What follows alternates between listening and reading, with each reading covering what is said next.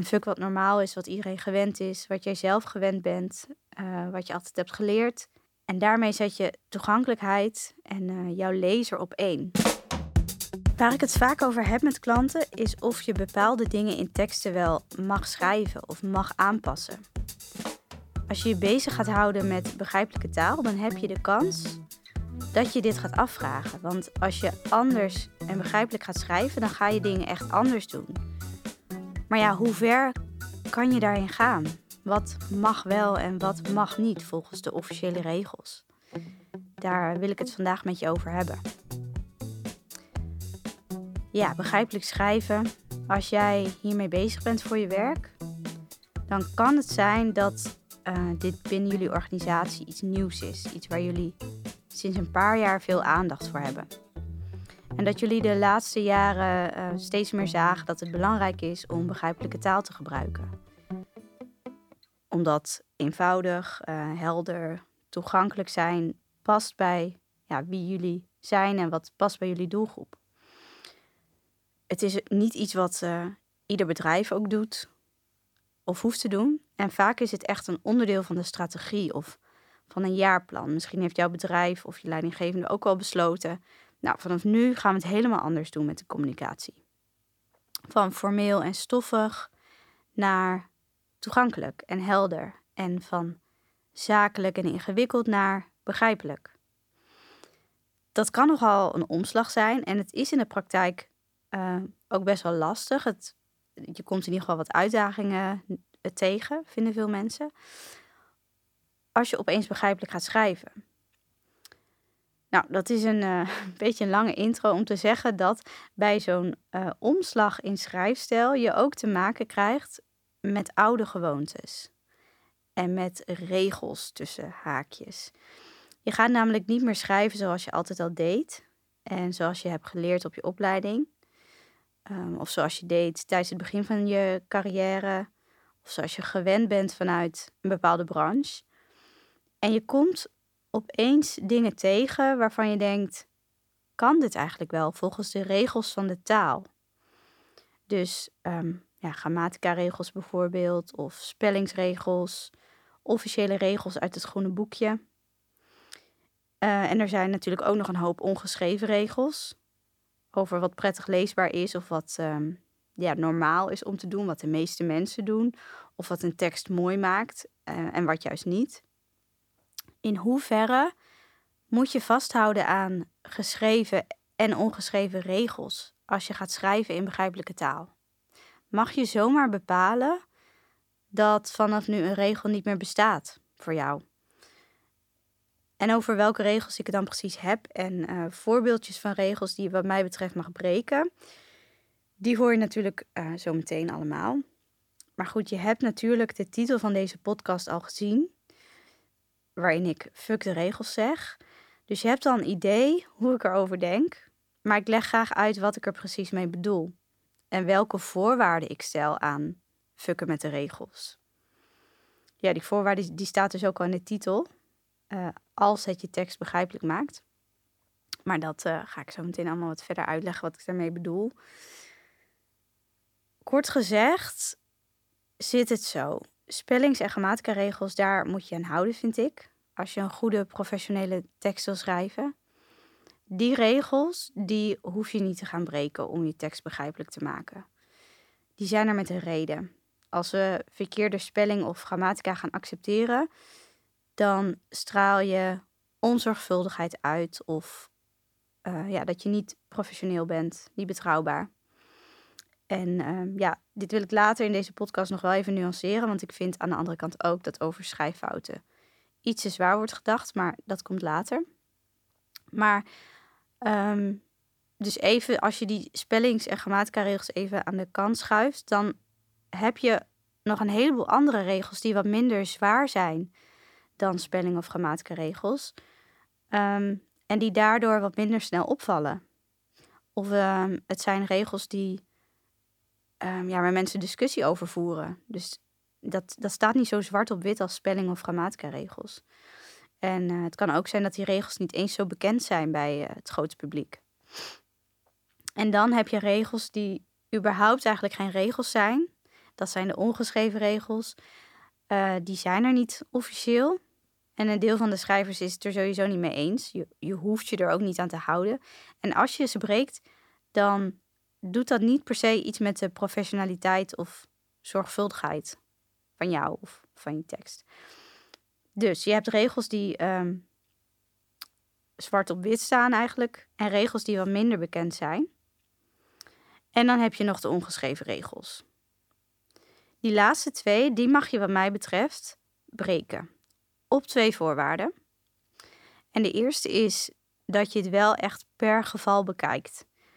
Dus um, nou, dat je denkt, kan ik hier zomaar iets heel anders doen dan hoe het eigenlijk hoort? Wat doet dat met specifiek deze zin?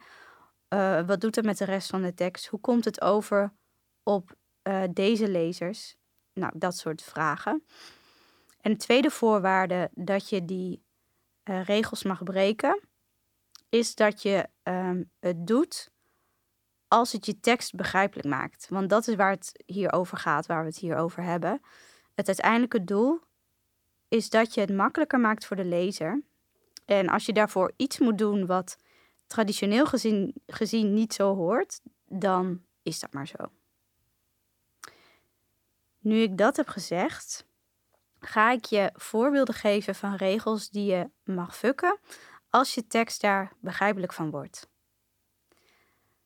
Als eerste mag je je zin van, van mij beginnen met het woord en. Dus de, de regel die er een beetje heerst is dat je een zin niet mag beginnen met en. Mag je van mij fucken? Want um, ja, als je mij al wat langer volgt, dan weet je misschien dat ik in geschreven tekst hou van korte zinnen. Niet alleen maar korte zinnen natuurlijk, maar wel voor uh, het grootste deel. Afwisseling is daarbij belangrijk. Ik ook nog even zeggen. Maar die korte zinnen die zorgen ervoor dat je tekst lekker leesbaar is. En dat iemand um, niet wordt overspoeld met allerlei informatie die in één zin staat gepropt. Maar ja, wat al een fijne manier is om dat te doen, en ik, ik wil hier nog wel eens een uitgebreide podcast over opnemen, maar een van die manieren om dat te doen is om zinnen op te splitsen en dan de tweede zin te beginnen met en. Dat kan in een normale zin zijn, maar ook in een opsomming. Stel dat een opsomming bestaat uit drie delen, dan kun je het eerste deel in zin 1 zetten, en het tweede deel in zin 2 en het derde deel in zin 3. En die tweede en derde zin die beginnen dan allebei met het woord en. En als je dit stukje even terugspoelt, dan hoor je dat ik dat hier net ook al deed. Maar zinnen kun je dus beginnen met en, wat mij betreft. Er staat volgens mij ook nergens op een officiële plek dat het niet mag. En toch vinden veel mensen het lelijk. Ik vind het dus dikke onzin dat het lelijk is. Ik werk veel samen met gemeentes, met zorgorganisaties, uh, woningbouwverenigingen. Dat soort grote bedrijven. Die hebben grote groepen klanten en die hebben echt goede communicatiemensen in dienst. En die doen het inmiddels ook. Misschien helpt dat argumentje. En of ze dat nou doen sinds ze met mij uh, samenwerken of dat ze dat voor die tijd al deden, dat uh, weet ik niet. Maar dat maakt ook niet uit. Ik zie dat het steeds normaler wordt om een zin met en te beginnen. En het kan zo helpen in het splitsen van grote zinnen en van opsommingen. Zolang jij niet je tekst bomvol hebt staan met zinnen die met en beginnen, en zolang je afwisselt natuurlijk, is er geen probleem.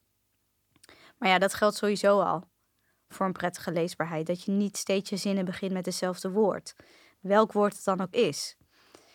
En zo is het ook met meer van dat soort woorden. Wat denk je van het woord uh, maar of want? Ja, sommige mensen die vinden het geen porum als een zin daarmee begint. Maar dat vind ik ook helemaal prima, in, in veel gevallen. Je kan een zin bijvoorbeeld zo schrijven. U kunt uw luierafval in de luiercontainers gooien als u zich hiervoor heeft aangemeld via onze website. Even een uh, praktisch voorbeeld uit mijn eigen dagelijkse leven en uh, een brief die ik kort geleden kreeg. Wat je ook kunt schrijven is: U kunt uw luierafval in de luiercontainers gooien. Maar alleen als u zich hiervoor heeft aangemeld via onze website. Nog even die eerdere. U kunt uw luierafval in de luiercontainers gooien als u zich hiervoor heeft aangemeld via onze website. Dat is dus één lange zin en daarna heb ik hem gesplitst, halverwege punt gezet en verder gegaan met het woordje maar. Nou, wat doet dat nou met zo'n zin? Uh, je maakt hem korter. Die eerste zin die was best wel lang. En nu krijg je twee uh, kortere zinnen. Uh, daardoor, nou ja, dat is sowieso prettiger om te lezen. Maar daardoor split je ook twee kleine onderwerpen eigenlijk die in één zin zaten. Namelijk ten eerste dat je je luierafval, dat daar speciale containers voor bestaan. En dat je daar je luiers in moet doen. En de tweede boodschap is dat je dat alleen kan doen als je je daarvoor hebt aangemeld. Um, en door die punt en daarna het, de zin te beginnen met maar, uh, leg je ook meer de nadruk op die maar, dus om die voorwaarden. Dus het wordt nog duidelijker dat je niet zomaar luiers weg kan gooien in die containers, maar dat het alleen kan als je je daarvoor hebt aangemeld. Dus de zin hier beginnen met maar, um, ja, dat heeft hier ook nog eens een, uh, een functie. En het is, wat mij betreft, niet storend. En dan heb je dus nog het woord want, uh, of omdat, ook zoiets. Die komen normaal gesproken, traditioneel gezien, komen die na een komma. Of in ieder geval um, staan die in een lopende zin en begin, begin je een zin daar niet mee. En het kan ook wel wat onwennig voelen om er een zin mee te beginnen. Dat snap ik. Um, en volgens onze taal, uh, om maar even een goede bron te noemen, mag het ook wel hoor je zin beginnen met want of omdat. Uh, maar ze zeggen erbij, het is niet geschikt voor zakelijk taalgebruik. Daarmee bedoelen ze dat het wat informeler is om een zin te beginnen met want of omdat. Nou ja, dat klopt. Um, en dat is ook precies de bedoeling voor jou als jij schrijft voor een breed publiek. Want informeel, uh, ja, dat is precies wat je wil, uh, wil bereiken. In ieder geval niet formeel. Um, en informeel en begrijpelijk kan ook professioneel zijn en, en betrouwbaar en uh, correct. Dus een zin beginnen met want, maar, en of omdat, dat kan gewoon. Ook al vinden veel mensen dat dit niet mooi of uh, niet zakelijk is of zo. Nou, nog zo'n regel die je mag fucken wat mij betreft, is dat je um, in veel gevallen een cijfer niet als een getal kan schrijven. Of nee, wacht, een getal als cijfer. Nou ja, um, je begrijpt wat ik bedoel. Uh, je kan een getal dus uitschrijven met letters. Dus 2, 3, 20, dat je T, W, E, E schrijft. Um, en dat kun je nog doen tot 138 of van die hele lange getallen. Nou, volgens de officiële regels moet je getallen tot 20 volgens mij in letters uitschrijven. En dan doe je dat dan ook nog bij tientallen zoals 30, 40, 50 en 100.000, dat soort ronde getallen. En andere getallen die moet je in cijfers schrijven. Maar ja, soms is het veel logischer of prettiger leesbaar als een getal wel in cijfers staat. Zoals 3 of 4 of 5. Dat past ook goed bij een wat lager taalniveau om het uit te schrijven als cijfer. Dus doe dat ook gewoon zorg er alleen voor dat je consequent bent. Dus dat je het overal in de tekst op dezelfde manier doet. Raad ik je aan, anders wordt het wel weer wat rommelig. Wat mensen ook lelijk vinden, of het een officiële regel is, dat weet ik eigenlijk niet eens, is om een punt te zetten achter een opsomming. En dan heb ik het over een opsomming met uh, dingen die onder elkaar staan, dus met opsommingstekens. Het zijn vaak uh, geen zinnen, maar zinsdelen of woorden. Officieel zet je daar dan een punt komma achter of helemaal niks. Gewoon alleen een enter. Maar soms voelt dat gek of is dat niet mooi of niet logisch. Um, en uh, vooral, dat is denk ik vooral zo als het gaat om hele zinnen die met opsommingstekens zo onder elkaar staan. Dan leest een lezer dus één of twee zinnen en dan komt er geen punt, maar wel een enter en, en weer een volgende zin. Nou, soms is dat gek of um, is het niet logisch? Ja, dan mag je wel gewoon een punt achter die zin zetten. Nou, via een podcast blijft het wat lastig soms om iets over een tekst uit te leggen, omdat ik het niet aan je kan laten zien, alleen erover kan vertellen. En dat is hier ook een beetje zo, maar hopelijk begrijp je wat ik bedoel. Nog zoiets, witregels. Ja, ik ben er dol op om lekker veel structuur te geven aan een tekst en het de lezer makkelijk te maken. Ik hou niet van lange lappen tekst. En um, dat is ook niet waar jij je lezer mee gaat helpen, want er zijn met mij heel veel mensen die er niet van houden, die er niet, um, die niet graag zo'n tekst lezen. En geen hond leest een brief bijvoorbeeld die bestaat uit hele lange alinea's en dat dan gewoon ook niet duidelijk is wat de boodschap is. Ja, dan gaat je lezer niet doen wat jij wil dat hij doet. En dan kun je dus alinea's maken met tussenkopjes. Nou ja, dat, dat ken je allemaal wel, denk ik. Maar wat ik de laatste jaren steeds vaker tegenkom, en ik hou ervan, op zijn tijd, is een alinea die uit één zin bestaat. Dus een enkele zin, een enkele regel moet ik dan eigenlijk zeggen, die ook nog eens een eigen tussenkopje heeft. En soms is dat een heel fijne manier om iets kort en krachtig te noemen en alle aandacht daar naartoe te laten gaan. Door die enkele regel, die enkele zin als aparte alinea te zien. Je kunt dan denken, ja, maar dat ziet er niet uit, want de, ja, je, je gaat helemaal met veel bombardie, met een tussenkop ga je iets introduceren en dan vervolgens komt er een alinea van één zin. En misschien is die tussenkop wel bijna even lang als die zin. Uh, om ja, een of andere reden kun je dat misschien niet mooi vinden. En het lijkt me ook niet zo mooi als je dit vaker doet in een brief of artikel hoor. Het is echt iets wat je één keer kan doen, denk ik, om, misschien twee keer, om iets te benadrukken. Ehm, en ja, als je dat vaker doet, dan krijg je een soort gatenkaas van tekst. En dan krijg je juist het tegenovergestelde van structuur weer, want dan is de structuur juist weer ver te zoeken. Maar af en toe kun je dit wel eens proberen. Of wat dacht je van Engelse woorden? Als je me een beetje kent, dan weet je dat ik niet hou van onnodig Engels. Dus van Engelse woorden in Nederlandse zinnen. Woorden die ook prima in het Nederlands hadden gekund. Ik krijg er al snel de kriebels van. En mijn eerste, allereerste podcastaflevering, die ging hier ook over. Die heet Wanneer is Engels onnodig? Met Michiel van der Blij was dat. En je vindt hem in mijn podcastoverzicht. Maar um, in jouw branche is het misschien normaal om bepaalde woorden in het Engels te schrijven. Je ziet dat wel vaak bij vaktaal. Maar ja, fuck die ongeschreven regel als, als iedereen het altijd al zo doet. Schrijf het gewoon in het Nederlands als dat je tekst begrijpelijk maakt.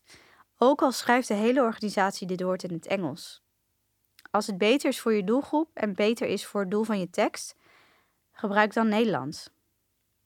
Ja, en omgekeerd kan dat natuurlijk ook. En dat moet ik er wel bij zeggen. Dat je iets in het Engels schrijft wat normaal iedereen in het Nederlands schrijft. Ben ik zelf dan minder fan van. Maar ja, ik uh, heb ook maar mijn eigen meningen. Die hoef jij niet te volgen.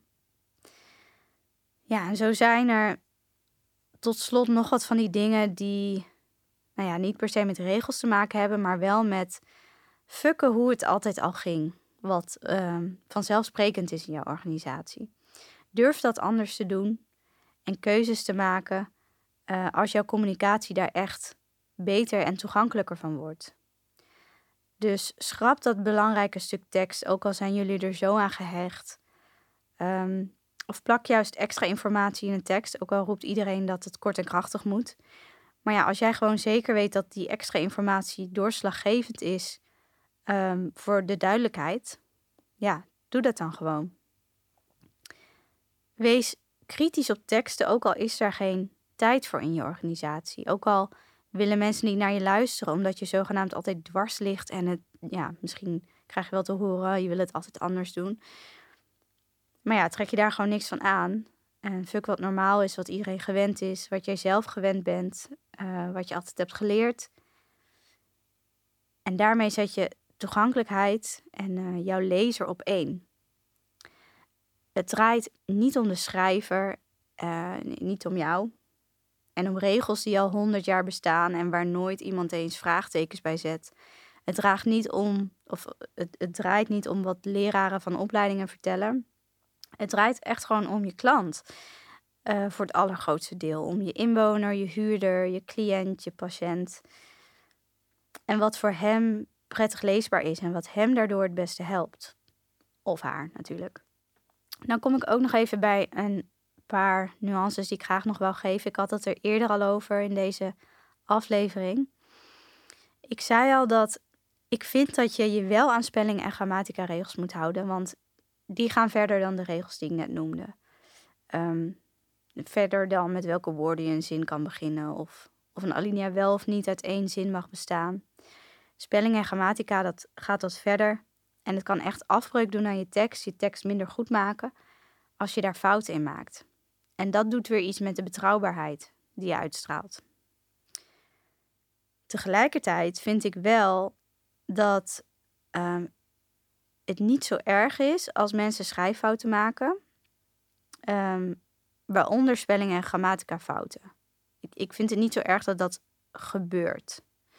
Een tijdje geleden postte ik hier ook iets over op LinkedIn en daar werd, uh, werd massaal op gereageerd en dat snap ik ook wel. Um, ik heb ook het gevoel dat ik in die post niet genoeg kon nuanceren. Dat is toch wat lastiger in zo'n post. Ik schreef toen dat het veel belangrijker is dat iemand weet wat past bij zijn doelgroep. Dat het belangrijker is dat je begrijpelijk en helder schrijft. Uh, want dat is hoe je uiteindelijk toegankelijk wordt voor je brede publiek. Um, en ik schreef ook dat je aan spelling- en grammatica fouten wel kan werken. Via een cursus bijvoorbeeld. En dat je je daar niet door hoeft te laten ontmoedigen. Misschien heb je zelfs wel de luxe van een eindredacteur. En je bent ook niet per definitie een sterschrijver als je foutloos schrijft. En je schrijft niet per definitie slecht als je wel eens een fout maakt. Nou, de reacties onder die post die gingen van dat mensen erachter stonden en zich gesterkt voelden, tot uh, dat mensen echt wel boos of gepikeerd reageerden. Van ja, hoe kun je dat nou zeggen?